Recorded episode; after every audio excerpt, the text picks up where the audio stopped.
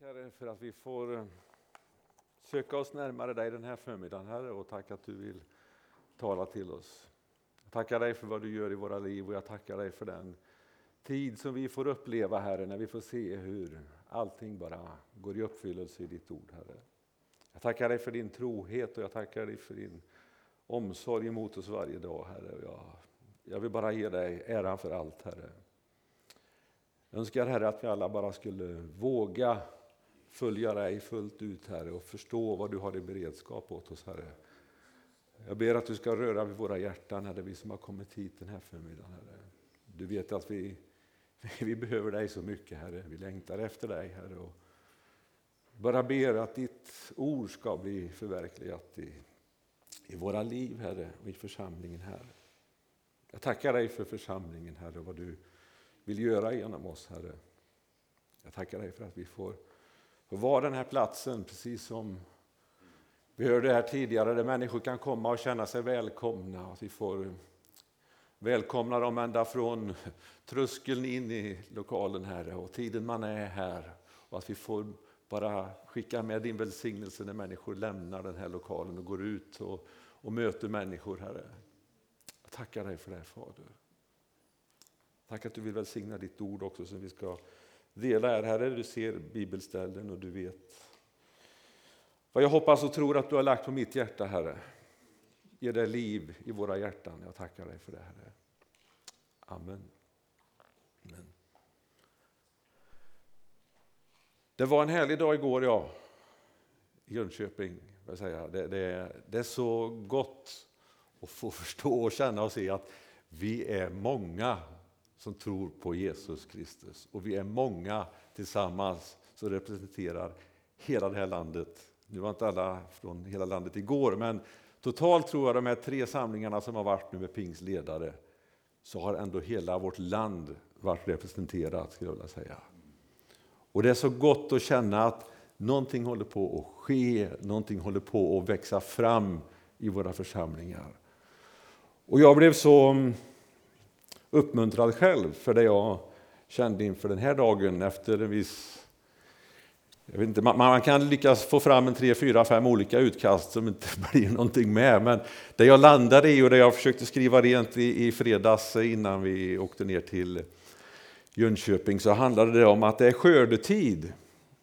Och det ordet jag ska läsa här i början det lästes vid minst två tillfällen där nere igår. Och då kände jag bara att Gud, du vill oss någonting. Din tid är nu. Alltså jag, jag längtar så efter att den här församlingen skulle få vara en församling där, eh, där vi verkligen får vinna människor för evigheten. En församling som får vara en oas mitt i det här som blåser och stormar.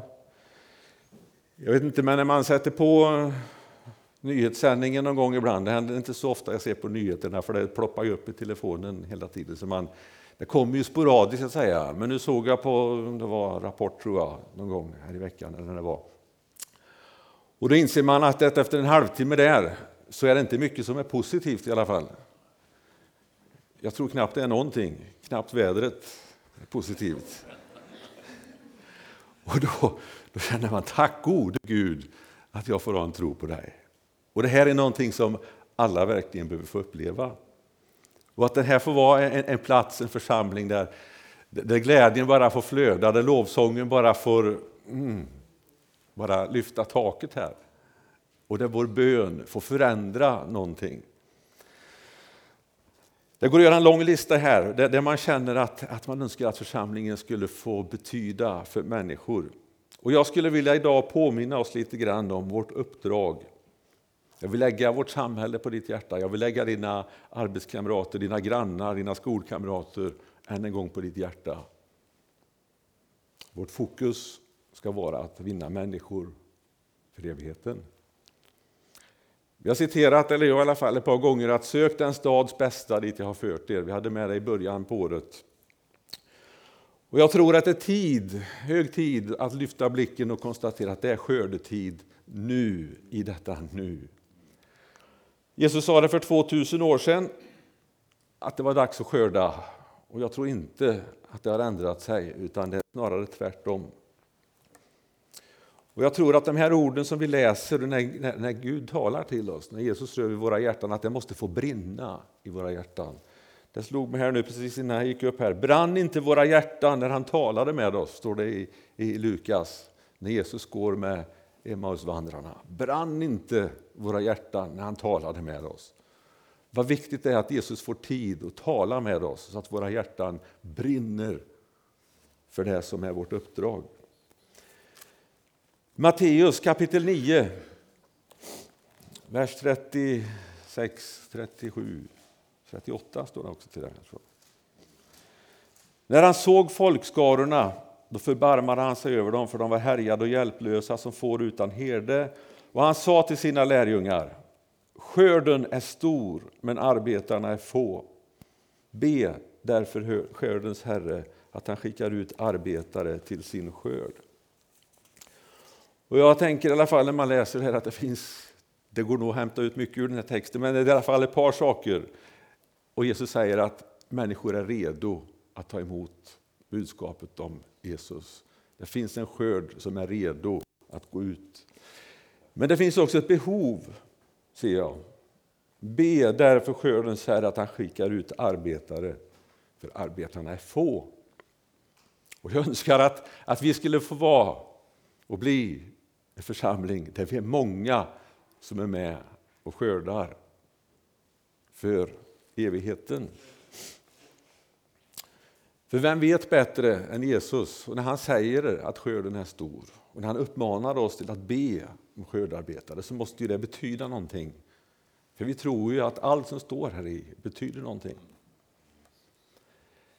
Det var en man som delade en profetia där nere igår i, i slutet av eh, dagen.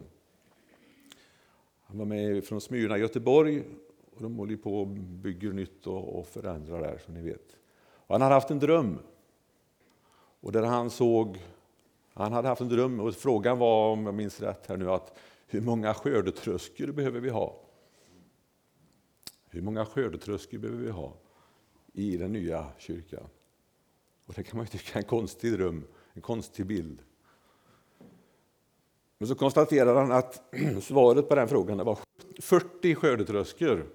Det känns ju också som en kyrka, vi behöver ha 40 skördetröskor. Och nu är inte jag någon världsmästare på skördetröskor, men enligt honom där, nu vet, nu har vi inte våra riktiga skördemän här, höll på att säga, men i många fall, om vi tittar, så kanske det är flera gårdar som delar på en eller två skördetröskor. För de är ganska kapabla att skörda mycket. Så 40 skördetröskor tyder på en ofantligt stor skörd. En jätteskörd. Det kan vara så att det handlar om vårt land, tiden är redo, att människor ska bli frälsta. Och vi behöver rusta oss och ta emot människor. Vi behöver göra oss redo så att, så att Jesu ord får brinna i våra hjärtan. Att jag får vara med i det här. Men vi uppmanas i alla fall att be om arbetare. Och vi tror på bönesvar, eller hur? Så därför så ska vi be om det. Och det ligger på Guds hjärta det här, eftersom det är en uppmaning till oss. Det ligger på Guds hjärta, det ligger på Jesu hjärta. Be om skördarbetare. Och jag är övertygad om att när vi ber om någonting i Jesu namn och det ligger på Guds hjärta, då kommer det också att bli så. Då har vi löfte om bönesvar. Och frågan är bara, är det du och jag som är bönesvaret i det här? Det finns också en annan skörd tänker jag här och det är tiden för den stora skörden om man nu tänker sig att vi delar upp det i två delar, du och jag gör vårat i detta. Men så kommer det en dag som jag tror är väldigt snart här. Det är när all skörd får samlas ihop, när Gud själv samlar ihop skörden och lyfter skörden och vi får möta Jesus på skyarna. Det måste hela tiden få, få brinna i vårt hjärta, det måste få ligga högt på vår agenda. Och vi kan få glädjas nu och vi kan få känna frid redan nu över saker och ting, men vi har ett ett större syfte. Och det finns någonting som är, sträcker sig bortom de här åren vi är här. Det är evigheten. Evigheten. Det måste få vara med, det måste vara vårt fokus. Att det får bli levande för oss vi förstår att det finns en tid som är utan slut. Och där vill vi ha med så många som möjligt. Det måste få brinna i våra hjärtan.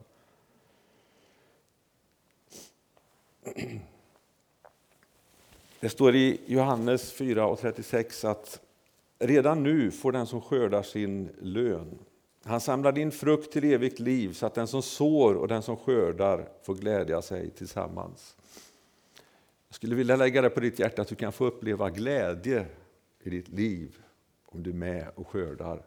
Det finns en lön att få redan nu om du väljer att vilja vara med och skörda. Du kan få uppleva glädje när vi får glädja oss tillsammans, den som sår och den som skördar. Jag tror det har varit mycket tid av sådd och vi håller på och sår hela tiden. Men det finns också en tid, och den tror jag är nu, då vi ska vara med och skörda. Och du kan få uppleva glädje i ditt liv om du känner och vill att du ska vara med i detta. Jag tror vi skulle kunna få uppleva mer glädje i våra liv om vi försöker att lyfta blicken från mitt eget och min egen, mitt eget läge och mina egna behov och se människorna utanför. Att min nöd får bli större för dem än vad den är för mig. Och vill du uppleva den här glädjen så vill jag uppmana dig till att anmäla dig och vara med i skördelaget, i skördearbetet. Och gå i fronten för detta och vilja ta den striden och kampen. För jag, jag, tror inte det sker utan en, en kamp och att det finns strid i detta. Jag tror vi får betala ett pris för att vara med och skörda och offra vår tid och liv. Sångarbröderna sjunger en sång, ära, ära, halleluja, och det står där, det någonstans i texten där så är det ungefär med att striden får vara ett, ett heligt äventyr, om jag inte minns helt fel. Ditt liv kan få bli ett heligt äventyr med Gud när vi går ut för att vinna människor. Alla är kallade och alla är, av oss som har tagit emot, vi är kallade att vara med i det här. Men ibland gör vi konstiga val. Jag vet inte om du har känt så någon gång, men jag har i alla fall gjort det. Att, varför gjorde jag så? När jag, hela liksom, mitt inre bara går i uppror mot det jag gör. Jag gör ett val och så känner jag, men gode Gud, varför gör jag detta? Det är ju inte det här jag vill, det är inte det här jag brinner för egentligen, men ändå gör jag detta. Det finns en berättelse i Bibeln om en eh, man som kommer till Jesus och frågar honom, vad ska jag göra för att få evigt liv? Han har gjort det mesta rätt, det finns en sak till han behöver göra. Jag har sagt det flera gånger och Jesus säger till honom, gå och sälj allt du äger, kom sen och följ mig, för då kommer du ha en skatt i himlen. Och då väljer mannen att gå därifrån. Men han går inte därifrån med ett glatt hjärta. Han går bedrövad därifrån, står det. Men ändå, han har löfte om att gör detta så får du evigt liv. Men han går bedrövad därifrån och väljer att lämna Jesus. Vi gör konstiga val ibland. Jag gör det och jag tror att vi alla sitter i samma båt där, att vi gör konstiga val ibland. När hela vårt hjärta säger något annat, men ändå går vi emot detta. Jag tror vi kan få uppleva en ännu större glädje i våra liv om vi väljer att lyssna på Gud och att hans ord får brinna i våra hjärtan. Att vi tar tid att lyssna till honom, vi tar tid att leva i detta och det får brinna. Och vi ser att det finns någonting som är större än det jag står i just nu själv. Gud kallar dig och mig in i det här skördarbetet. I Lukas 15 så står det på ett par ställen att glädjen är stor över varje människa som kommer till tro, över varje syndare som omvänder sig. Himlen glädjer sig, änglarna glädjer sig, står det. Och du och jag kan få glädja oss i detta. Du kan få glädja dig tillsammans med, det blir delad glädje, himlen och ditt liv, i himlen, i församlingen och inte minst den människa som får upp ögonen för det här och kommer till tro och blir frälst. Vilken glädje, tänker jag. Be om skördarbetare. I ehm, Första Mosebok, vi ska inte läsa allt det, men i Första Mosebok kapitel 18 så står det om Abraham. Han får ett besök av Herren och ett par änglar. Han sitter där vid sitt tält och så kommer det tre män. Och han hälsar dem välkomna och han vill lyssna och han umgås med dem. Och så får han klart för sig att eh, Gud är på väg, eller änglarna är på väg att ödelägga Sodom och Gomorra. För folket som bor där, de lever inte på ett rätt sätt. Och då börjar Abraham, Abraham, han går in i bön faktiskt, kan man ju säga att det här är en bönepassage. Han ber Gud, men om det finns 50 människor där, inte kommer du väl då att ödelägga staden om det finns 50 människor där? Och Gud svarar, nej, finns det 50 människor där som är rättfärdiga, då ska jag inte ödelägga staden. Och Abraham fortsätter att be, ja men säg att det finns 45 Nej, då ska jag inte ödelägga, säger Gud. Ah, det känns som att Abraham får lite, liksom, det finns möjligheter där. Om det finns 30 då? Eller 40, 30, 20? Nej, då ska jag inte ödelägga, säger Gud. Och så säger han så här, Herre, bli inte vred om jag talar bara en sista gång. Kanske finns tio där. Nej, då ska jag inte ödelägga eller förgöra den. Men sen slutar ju Abraham att be där. När han kommer ner till tio säger han en sista gång bara, tio, nej, då ska jag inte dödlägga. Och där slutar Abraham be. Jag tror att när du och jag, när vi ber för vårt samhälle, vi ber här varje lördag för stöpen, vi ber om beskydd över samhället, över familjer, över skolor, över våra företag här, över allting, alla som kommer hit, barn som kommer in hit i, i skolorna under veckorna. Vi ber för dem varje lördag här, en timma. Jag tror att detta påverkar, det här har en stor inverkan på vad som händer och sker här. Jag har själv hört ifrån en person som jag mött som inte tillhör församlingen här som, som, som har sagt att man upplever att det finns ändå någonting, en vikt och ett värde i att församlingen finns här för samhällets skull. Och jag tror att det sker någonting när vi väljer att, be om detta. Men som sagt var, vi ska inte sluta och be. Vi ska be, vi ska söka, vi ska bulta, säger Jesus, och då kommer vi att få svar. Och vi fortsätter att be för vårt samhälle och vi ber om skördarbetare. Men är det så att vi kanske nöjer oss med att be en liten stund? Ger vi upp för tidigt? Skulle Abraham fortsatt? Du och jag, vi behöver fortsätta i alla fall. För jag ser inte att vi har den skörde, säga, inflödet av människor i vår gemenskap som kommer till tro. Så vi behöver fortsätta att be. Jag tror att Gud han, han gråter över varje människa som går förlorad. Han gråter över varje människa som, som han ser är på väg åt fel håll. Så när du och jag ber för detta, när vi, när vi tar det till vårt hjärta, när Guds sak blir vår sak, när Guds hjärta får bli vårt hjärta för människor, så kommer han också välsigna oss och komma med glädje och han kommer att låta oss få se människor komma till tro. Paulus säger i första Korinthierbrevet att om det bara är för detta livet vi har vårt hopp till Kristus, då är vi de mest ömkliga av människor. Ibland tror jag att vi, vi bara ser, vi ber om Gud, hjälp mig i detta, det jag står i nu. Vi, vi ser det egentligen ganska kort många gånger tror jag. Men det är inte bara för detta livet. Det är för evigheten.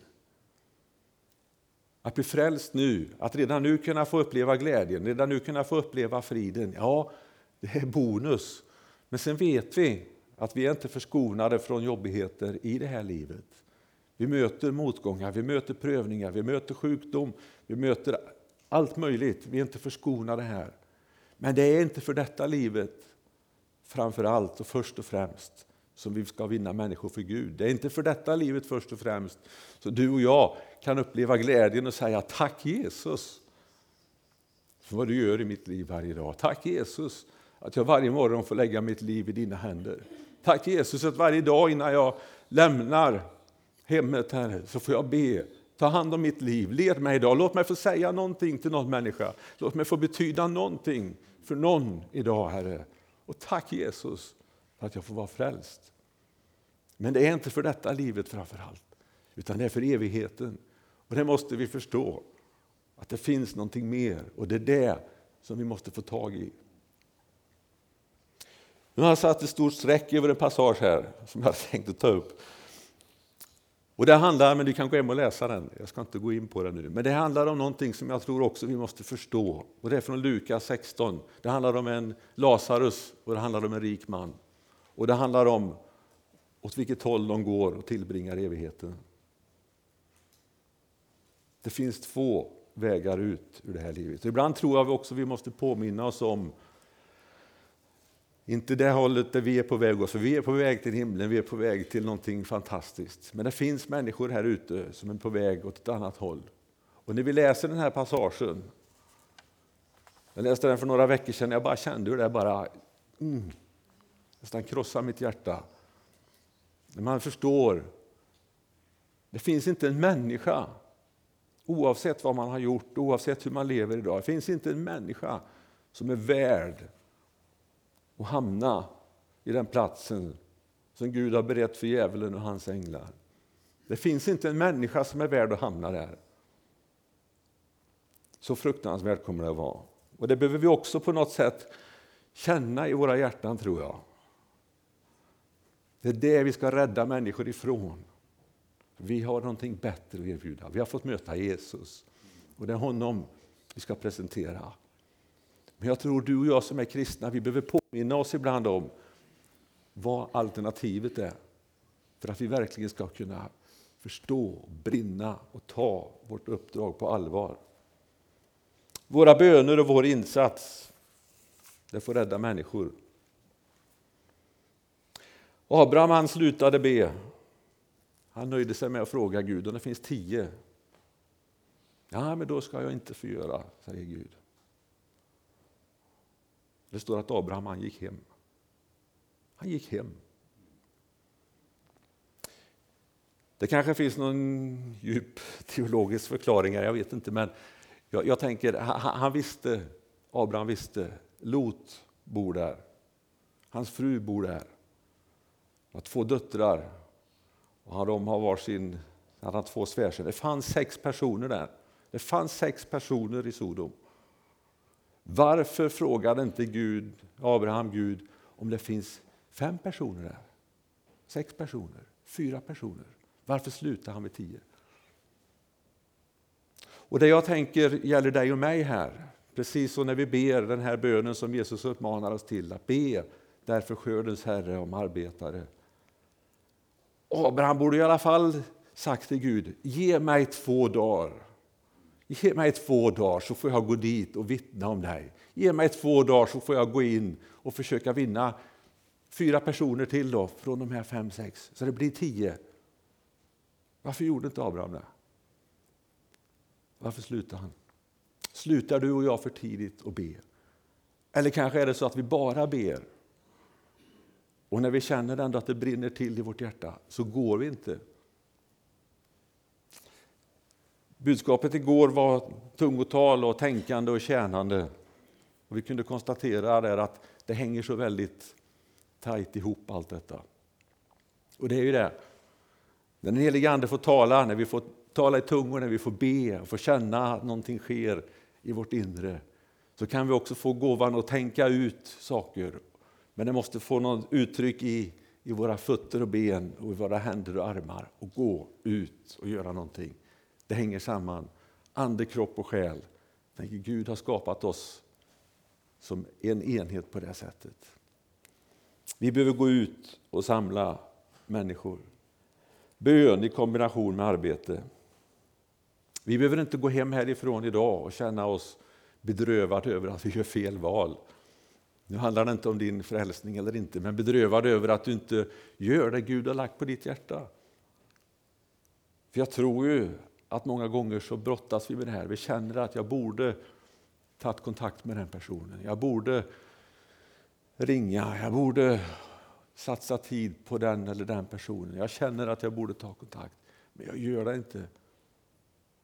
Jag går hellre och känner samvetskval eller känner bedrövelse än att göra det Gud talar till mig. Vi behöver redan nu få dela glädjen när vi ser att människor kommer till tro.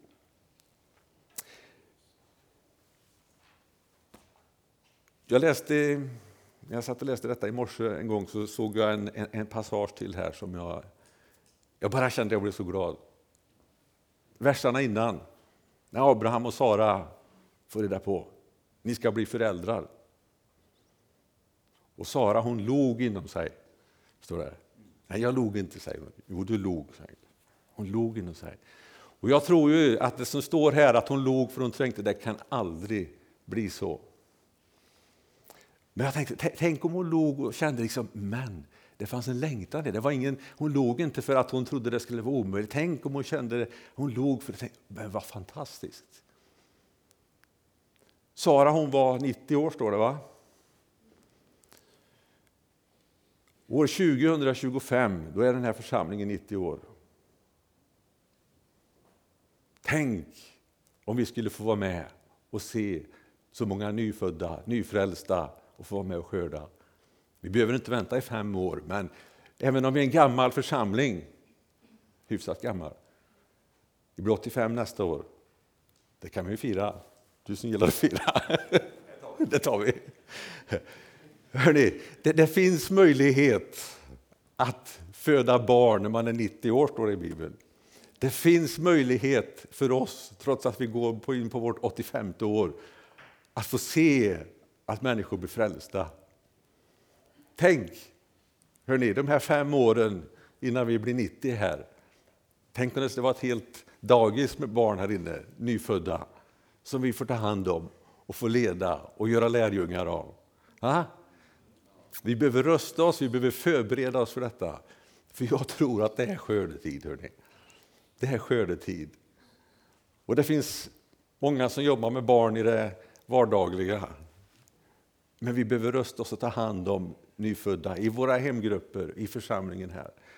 När det får bli som när Deborah stod här och sa att ta hand om människor från att de kommer från trappan. När man är här inne, när vi går ner och fikar. Vi tar hand om dem, man får trivas här. Det får bli den här oasen. När vi får dela bibelordet och få mat att tugga på. George. Oh. Ja. Be om detta. Jag tror att Gud vill att vi ska vara en, en barnafödande församling. Hörrni. Och vi hjälps åt i detta. Vi får dela glädjen i detta. Vi får stå sida vid sida i det här. Herre, jag tackar dig för att du är så god. Jag tackar dig för att vi får Herre, gripas av ditt ord och jag tackar dig Herre för att vi får känna att ingenting är omöjligt för dig Herre. Och jag ber Herre att vi alla ska känna att när vi ber den här bönen här om skördarbetare så ber jag också att vi ska ställa oss där och känna att vi, vi är redo att gå Herre när du kallar oss. Jag ber Herre att vi inte ska känna en skam eller bedrövelse i våra hjärtan Herre när vi tänker på vad vi kunde gjort och vad vi borde göra för våra medmänniskor Herre. Utan du vill också ge oss inspiration och du vill ge oss kraften att ta de här stegen Herre. Sträcka ut våra händer och vara med och föra människor till dig. Jag tackar dig för det Fader. Tackar dig Herre för att du Herre vi låta oss lyfta våra händer och bara be för det här samhället Herre. Du vill låta oss lyfta våra händer och be om din välsignelse in i människors liv, Herre, så de får upptäcka dig, Herre. Jag tackar dig för att du kallar oss, Herre, till ett, till ett heligt äventyr, Herre, där vi får, Herre, känna att du leder oss för varje dag, Fader. Jag prisar dig för det, Herre. Jag tackar dig för vad du gör i den här församlingen, Herre. Och jag tackar dig för att de här 85-90 åren, det är ingenting för dig, Herre, utan du kan komma med helig ande på nytt, Herre. Jag tackar dig för den helig ande som får föda oss på nytt och bara ge oss den här passionen och längtan, Herre, och få föra människor till dig, Jesus.